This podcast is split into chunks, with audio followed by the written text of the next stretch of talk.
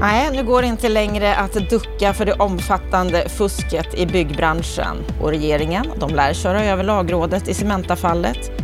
Och det finns faktiskt ingen bostadsbrist i fysisk mening. Men fem skarpa skatteförslag och en gräddfil, det kan öka byggandet.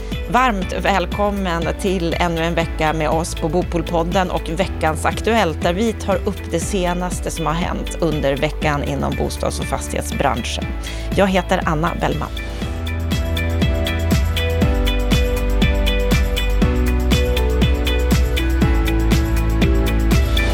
Ja, Lennart Weiss, det har skrivits mycket och hänt mycket i media när det gäller bostads och eh, fastighetsbranschen. Om vi börjar med Cementa, regeringen, vad tror du de kommer att göra i det här?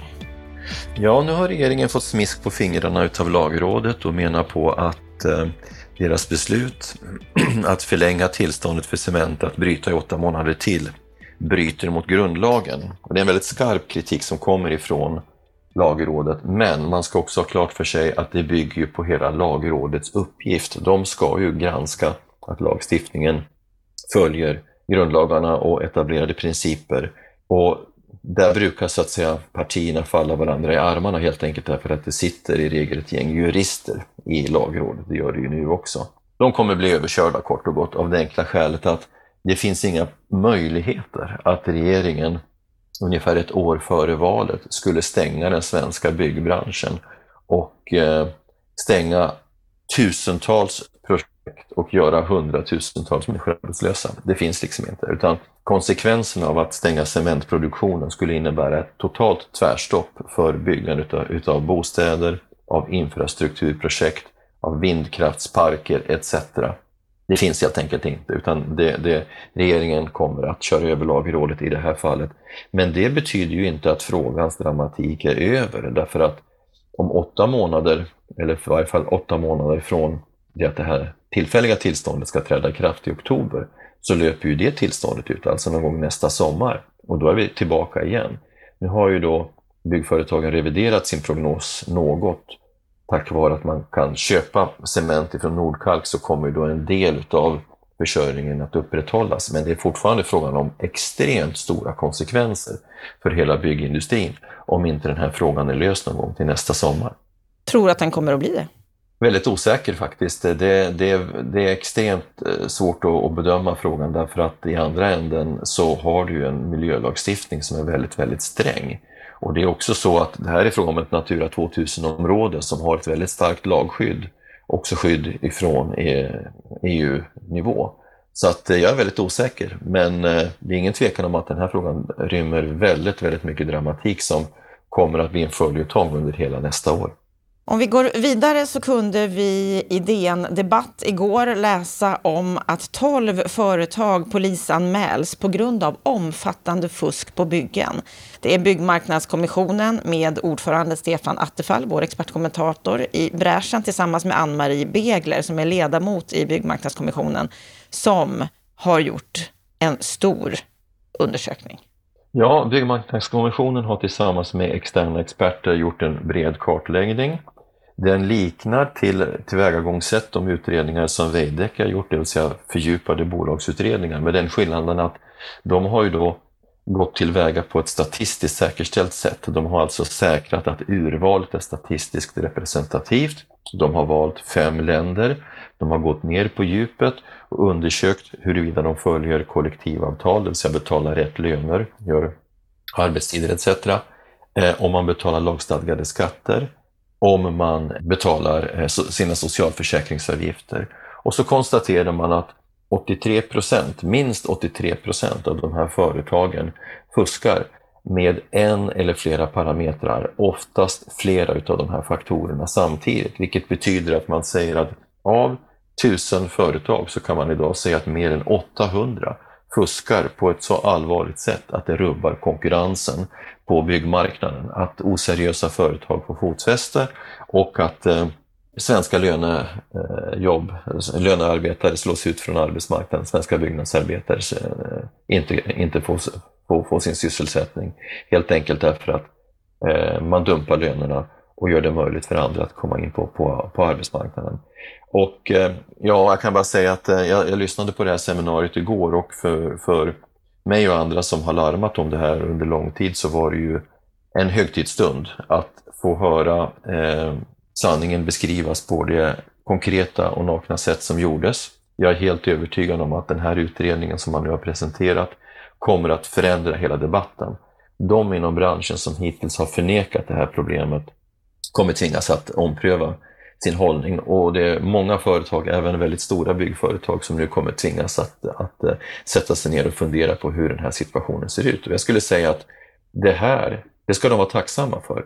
Därför att om inte den här nulägesbilden hade kommit upp nu och lett till åtgärder som förändrar eh, hela situationen på byggmarknaden så skulle de seriösa företagen faktiskt, eh, ja inte slås ut men få betydande problem de närmaste åren. För att de här utländska byggföretagen, eller snarare fuskföretagen, de håller på att få en väldigt stark ställning på den svenska byggmarknaden. De kan ganska snart konkurrera som huvudentreprenörer mot Skanska, NCC, Peab, Veidekke och andra.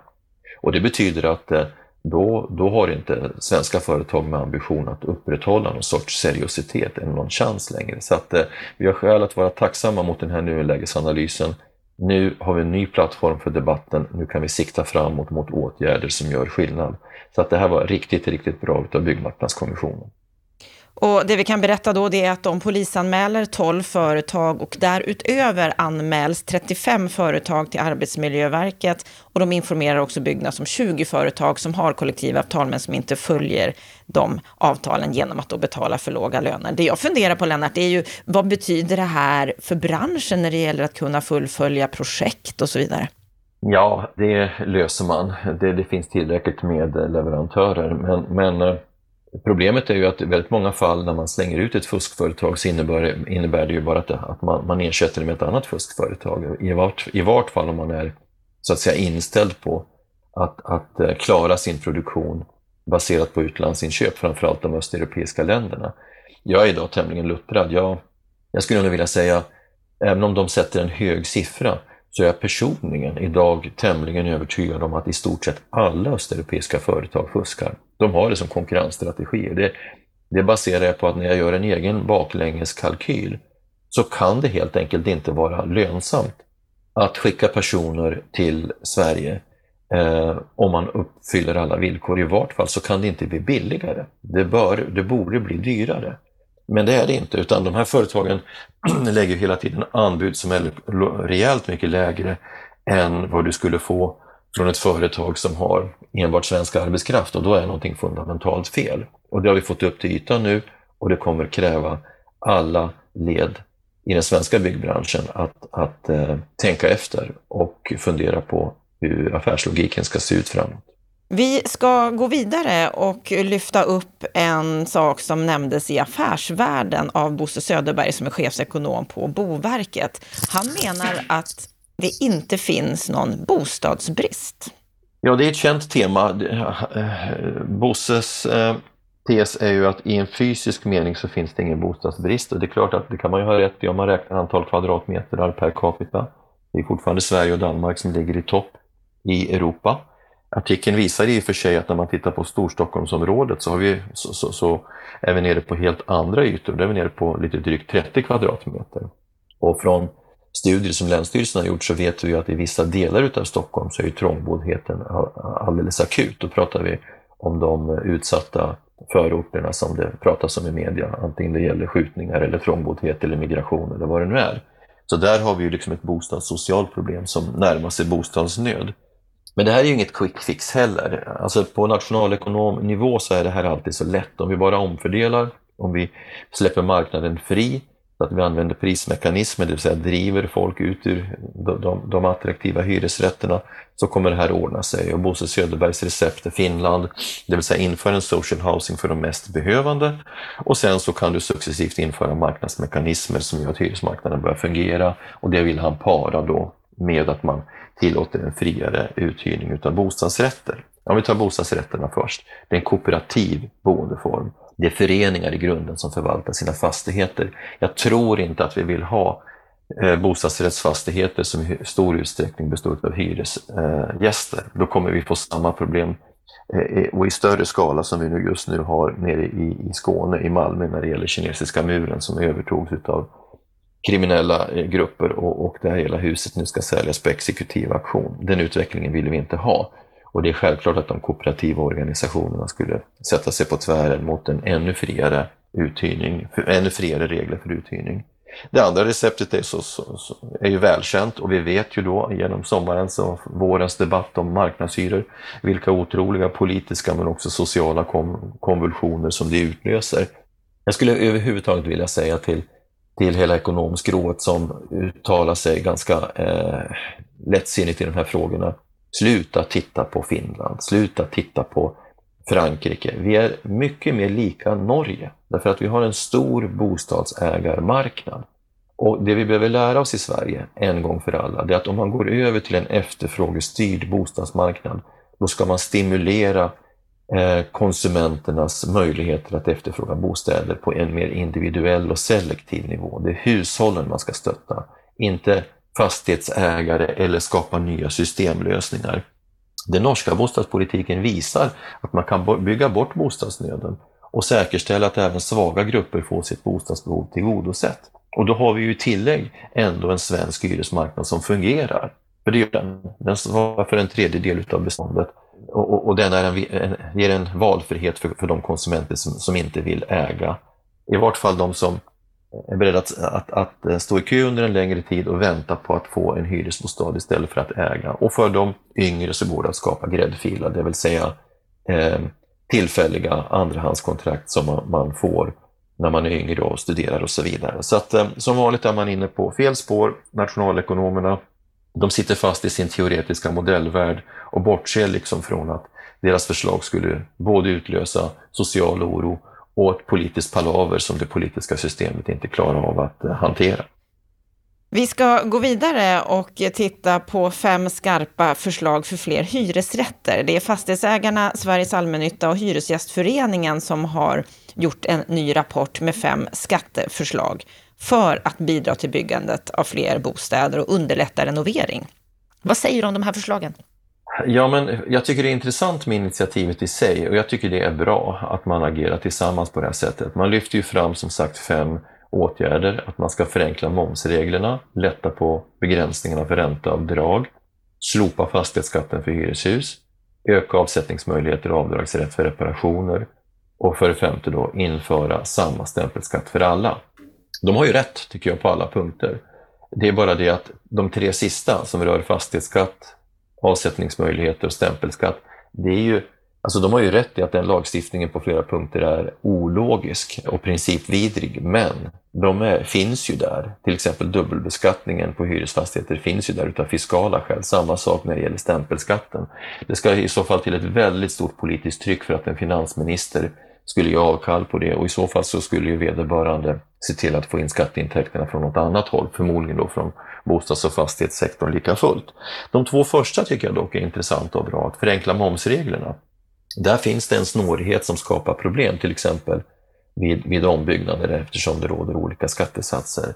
tycker jag är en bra tanke och samma sak så när det gäller begränsningarna för ränteavdrag, det är ju inget stort problem så länge vi har eh, låga räntor som vi har idag, men skulle de öka så skulle det där kunna bli ett problem. Och där tror jag man skulle kunna få framgång om man, om man eh, driver den här frågan. Därför att det, den här frågan har ju en bakgrund i den gamla fastighetsskatteutredningen som i sin tur då var kopplad till en EU-utredning. Och eh, problemet är bara att Sverige valde att gå längre i sin implementering än vad EU-lagstiftaren föreslog. Och här skulle man kunna göra en anpassning så att man tar höjd för eventuellt höjda, hyror, eh, höjda räntor i framtiden.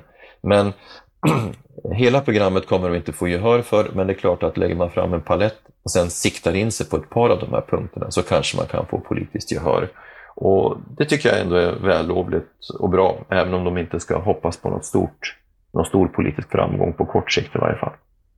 Enligt januariavtalet så skulle läge och kvalitet få större genomslag i hyressättningen och en utredning om det här kom i somras, men regeringen går inte vidare med det här, utan istället så återtar hyresmarknadens parter frågan om hur de här faktorerna ska påverka hyran. Va, vad säger du om det här, Lennart? Ja, jag, det, jag, vill, jag är väl kanske inte helt förvånad över att man väljer att göra så här från regeringens sida, därför att eh, de förslag som finns i utredningen är delvis kontroversiella. Samtidigt kan jag tycka det är lite synd att man i varje fall inte skickar ut den på remiss, för då hade man ändå eh, fått fler bidrag till diskussionen om hur bruksvärdesystemet skulle fås att fungera. Det, det jag noterar när jag läser referatet av den här frågan, det är att egentligen båda parterna på bostadsmarknaden är överens om att eh, bruksvärdesystemet, man behöver vidta åtgärder för att det ska fungera bättre. Däremot så är man ju då uppenbart kritisk till att hyresnämnderna, det vill säga staten, skulle få ett större inflytande. Och man är också kritiska mot den här lagstadgade ventilen som då föreslås i utredningen, där man skulle kunna då bortse från kollektivt förhandlade hyror om det finns jämförelseobjekt, alltså enskilda lägenheter som, som, som går i annan riktning än de kollektivt förhandlade hyrorna. Och det vill inte parterna. Men de har lite olika kritik mot det hela. Fastighetsägarna, de är kritiska därför att de saknar ett förslag om en tvistelösning, alltså en tvistelösningsmekanism, när parterna inte är ense. Och det är en känd ståndpunkt. Och från Hyresgästföreningen så menar man att det är parterna och inte staten som ska förhandla om hur bruksvärdessystemet i praktiken ska utformas, utan från Hyresgästföreningens sida vill man gå vidare med arbetet med en systematiserad hyressättning som då innebär att man ändå för in marknadsmekanismer i systemet så att både preferenser, läge och kvalitet får större tyngd. Eh, som sagt, jag tycker, man är, eftersom jag noterar att båda parterna är överens om att den nulägesbeskrivning som utredningen gör är relevant och vederhäftig. Och det kan jag tycka hade kunnat räcka som motiv för att skicka ut den på remiss. Men nu väljer man att inte göra det och på det sättet så stänger man dörren till den här frågan. Men jag tror att i varje fall Hyresgästföreningen behöver tänka igenom sitt agerande noga framöver. Därför att bara för att frågan om marknadshyror i nyproduktion föll, och den här utredningen föll, så är ju inte undertrycket i den här frågan borta. Jag har ju pratat med en del företrädare för den borgerliga sidan efter sommaren och de betraktar frågan som att den just nu ligger i ett vapenstillestånd eller i, i, i ja, vi kan använda det ordet, och, och, att frågan kommer att komma upp på bordet senare igen. Eh, det är precis vad jag tror också. Här är det alltså viktigt att Hyresgästföreningen håller igång dialogen med fastighetsägarna och visar sig villiga att vidta förändringar som gör att systemet eh, får legitimitet och att det fungerar på det sätt som var tänkt. För om man misslyckas med det, då kommer frågan om marknadshyror att komma i repris. Då kommer de förslag som fanns i den här utredningen som vi diskuterar nu att komma i repris och trycket på Hyresgästföreningen kommer att öka. Mm. Vi skickar med det som en uppmaning och så ska vi avsluta veckans Aktuellt med gräddfilen. Det är nämligen så att regeringen föreslår att certifierade företag ska kunna starta bostadsbyggen utan att allt först måste prövas av kommunernas byggnämnder. Det är alltså en ny typ av gräddfil i plan och bygglagen som ska skynda på byggandet i Sverige. Vad tror du, skulle det fungera med en sån här gräddfil? Jag tycker det är ett väldigt bra förslag. Det är ju trevligt att avsluta med en positiv nyhet, för det här är, ju en fråga som har varit uppe i diskussionen länge. Eh, det kom ju ifrån ett tidigare förslag om att man skulle införa en form av typgodkännande för standardiserade hus som då så att säga inte skulle behöva underställas kommunernas bygglovsprövning. Nu kommer man med en annan idé som, som i förstone kan te sig något svagare, men som jag ändå tycker är väldigt bra. Man skulle istället då certifiera byggprojekteringsföretag eh, som gör det möjligt att byggstarta utan kommunal prövning av egenskaper i fastigheten som, som eh, inte påverkar gestaltning eller yttre form. Det skulle alltså gynna serietillverkning, det skulle gynna standardisering och det skulle på det sättet då göra det möjligt att producera på ett mer kostnadseffektivt sätt. Det innebär inte att allting kastas över bord utan man måste fortfarande följa detaljplanen. Eh, husen ska byggas där det är tänkt, eh, där kommunen menar att, att det är angeläget att de byggs. Gestaltningsfrågor, form och färg ska fortfarande kunna påverkas av byggnadsnämnden, men man ska inte kunna ställa krav på eh, tekniska lösningar som påverkar ändamålsenligheten, det vill säga var ska ett elskåp sitta eller, eller hur ska en hall vara utformad på, på bästa sätt och hur ska förvaring utformas en hit en dit. Utan håller man sig till Boverkets byggregler och har den kompetens som erfordras inom företaget. Då kan man bli certifierad som byggprojekteringsföretag och börja med en, en systematisk process att standardisera, effektivisera sin produktion. Och det där måste ju i grunden vara bra och, och, och den här frågan har varit uppe länge. Här är alltså bransch och de bostadspolitiskt ansvariga i de olika partierna har varit ense om det här ganska länge och nu lägger regeringen fram ett förslag. Så jag tror att det här förslaget har stora förutsättningar att gå igenom och det kommer välkomnas av branschen och det kommer uppfattas som ett ytterligare ett positivt steg av regeringen att ändå ta i frågor som vi har diskuterat under en lång rad år. Då får vi se om det blir något av denna gräddfil. Det finns ju många som har synpunkter på vad regeringen borde göra. En skarp kritiker som tycker att politikerna är fega och okunniga, det är Dina Ötterli som är ny förbundsordförande för Jag vill ha bostad.nu. En otroligt intressant intervju med henne. Det kommer du få höra på måndag då vi har ett längre avsnitt av Bopolpodden. Politikerna och samhället vill få oss att tro att det är vårt individuella ansvar att skaffa en bostad. Och lyckas vi inte med det så är vi losers, rent ut sagt. Ehm, men för att skaffa en bostad så behöver jag hjälp från någon. Jag behöver få ett arv, eller jag behöver en förälder som kan gå i borgen. Och det här tycker inte jag går ihop med um, Sverige som välfärdsstat och Sverige som land där unga, där det ska löna sig att kämpa. Varför tror du att det ser ut på det här sättet? För att politikerna är fega. Är det så att du vill förkovra dig mer, ja då går du in på bostadspolitik.se. Där kan du också signa upp dig för vårt nyhetsbrev som kommer varje fredag. Med detta så önskar vi dig en riktigt trevlig helg.